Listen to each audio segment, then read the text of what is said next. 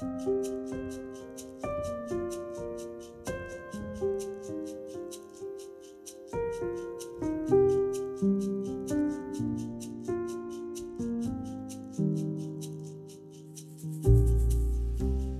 tenkte jeg skulle begynne i dag å snakke om et par andre podkaster som jeg liker å høre på. Litteraturprofessoren Janne Stigen Drangsholt fra Sandnes laget en serie på NRK Rogaland for en tre års tid siden som heter Kjente bøker på fire minutter. Og den kan man fortsatt finne opp og lytte til. Der ga hun også en kort og inspirerende oppsummering av store klassikere i verdenslitteraturen sånn at vi andre som ikke rekker å lese så mye, verken Shakespeare eller Knausgård, kan late som at vi har lest disse bøkene når vi er på fest, f.eks. Det er et ustyrtelig morsomt konsept, for Stigen Drangsvold er en veldig god formidler.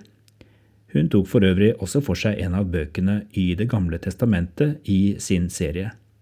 Selv om det er morsomt, er det kanskje ikke så lurt å ta henne helt på alvor, for det er vel å love mer enn noen kan holde, og gi oss innholdet i en god bok på fire minutter.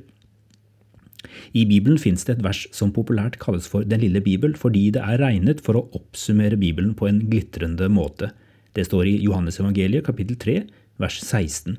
Mange kan verset utenat, for det har tradisjonelt vært et sånt puggvers. For så høyt har Gud elsket verden, at han ga sin sønn den enbårne, for at hver den som tror på ham, ikke skal gå fortapt, men ha evig liv. Verset kan settes i sammenheng med Kristi himmelfart, for i vers 15, like foran, sier Jesus ifølge Johannes, ingen annen er steget opp til himmelen enn han som er steget ned fra himmelen, menneskesønnen som er i himmelen. Jeg har vokst opp med Den lille bibel. Ordene er så kjente i ørene mine at de går inn omtrent helt uten motstand.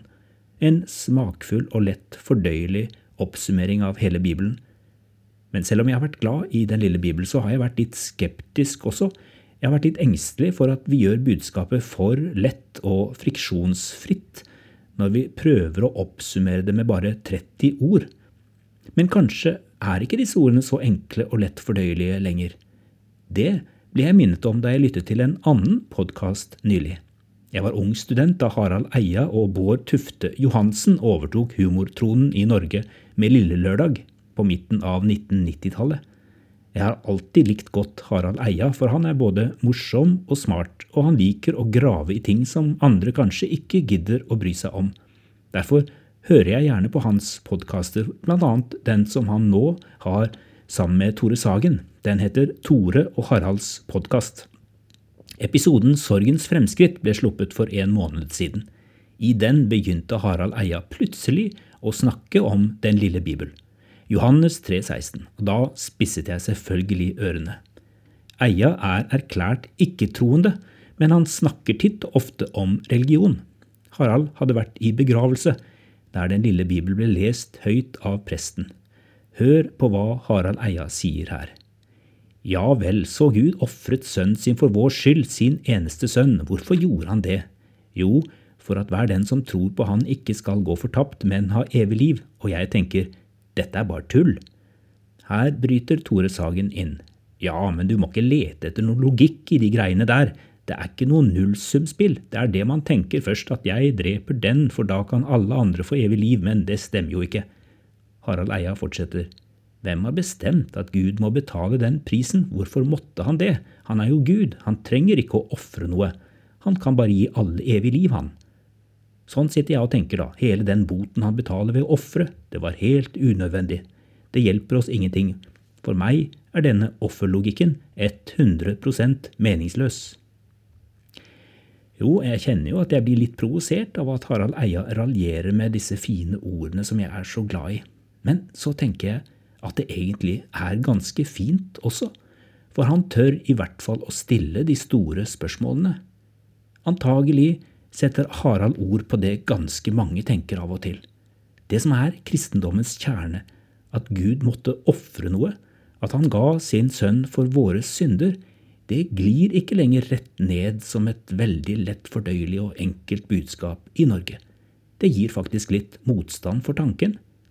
så er det kanskje litt mer vanlig i dag å tenke at vi kan tilpasse religionen slik vi selv finner det best. Det at en må ofres, det oppleves ganske makabert.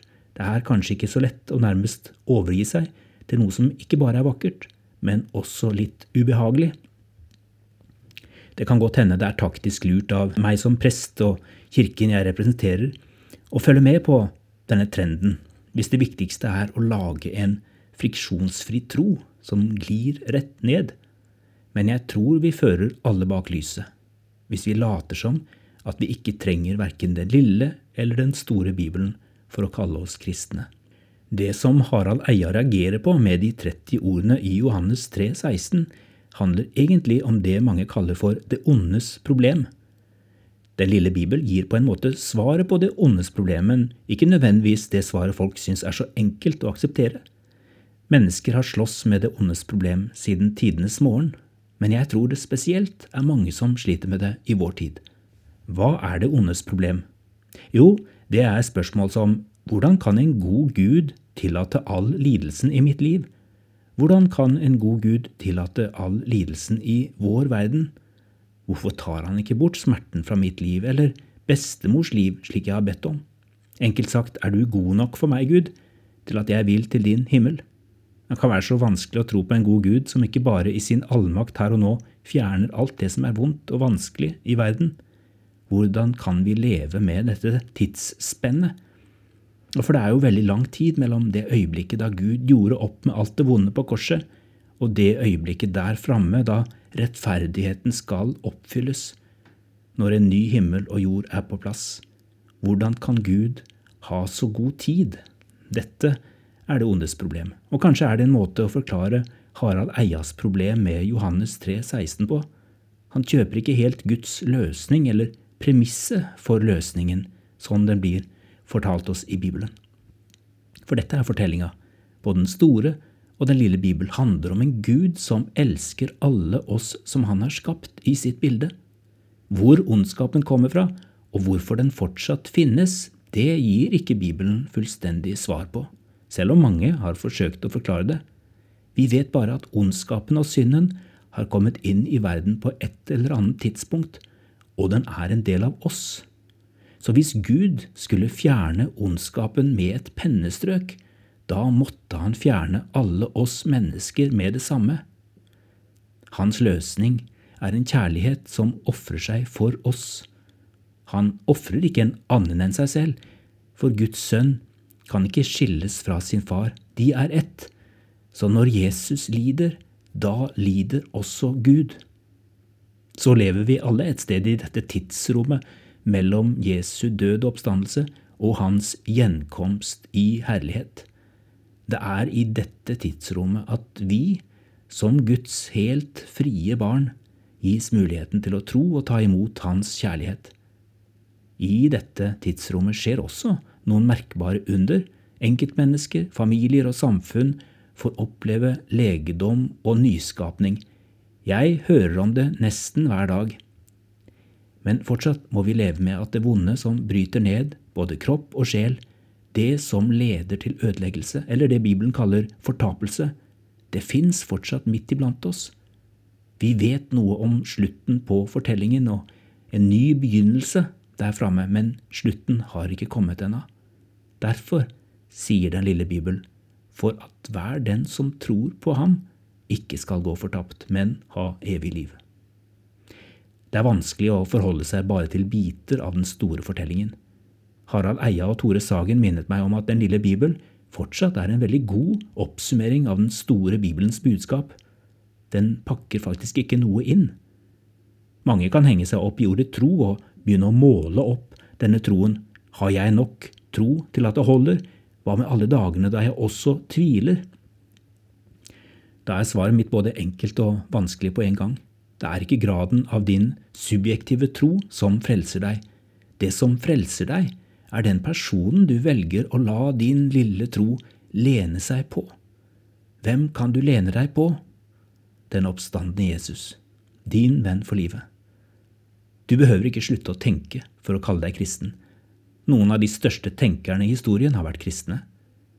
Forrige uke snakket jeg med en geofysiker som sa at jo mer han lærer om skaperverkets oppbygning, jo lettere syns han det er å tro. For ham er det ingen motsetning mellom tro og vitenskap.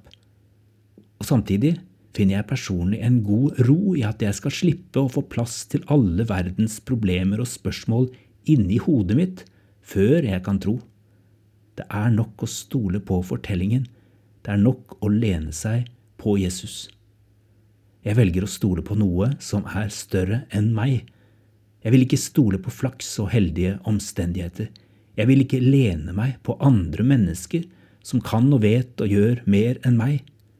Den jeg velger å stole på, er Jesus Kristus, for han har jeg lært å kjenne både som stor og mektig, og som en venn som har kommet meg helt nær.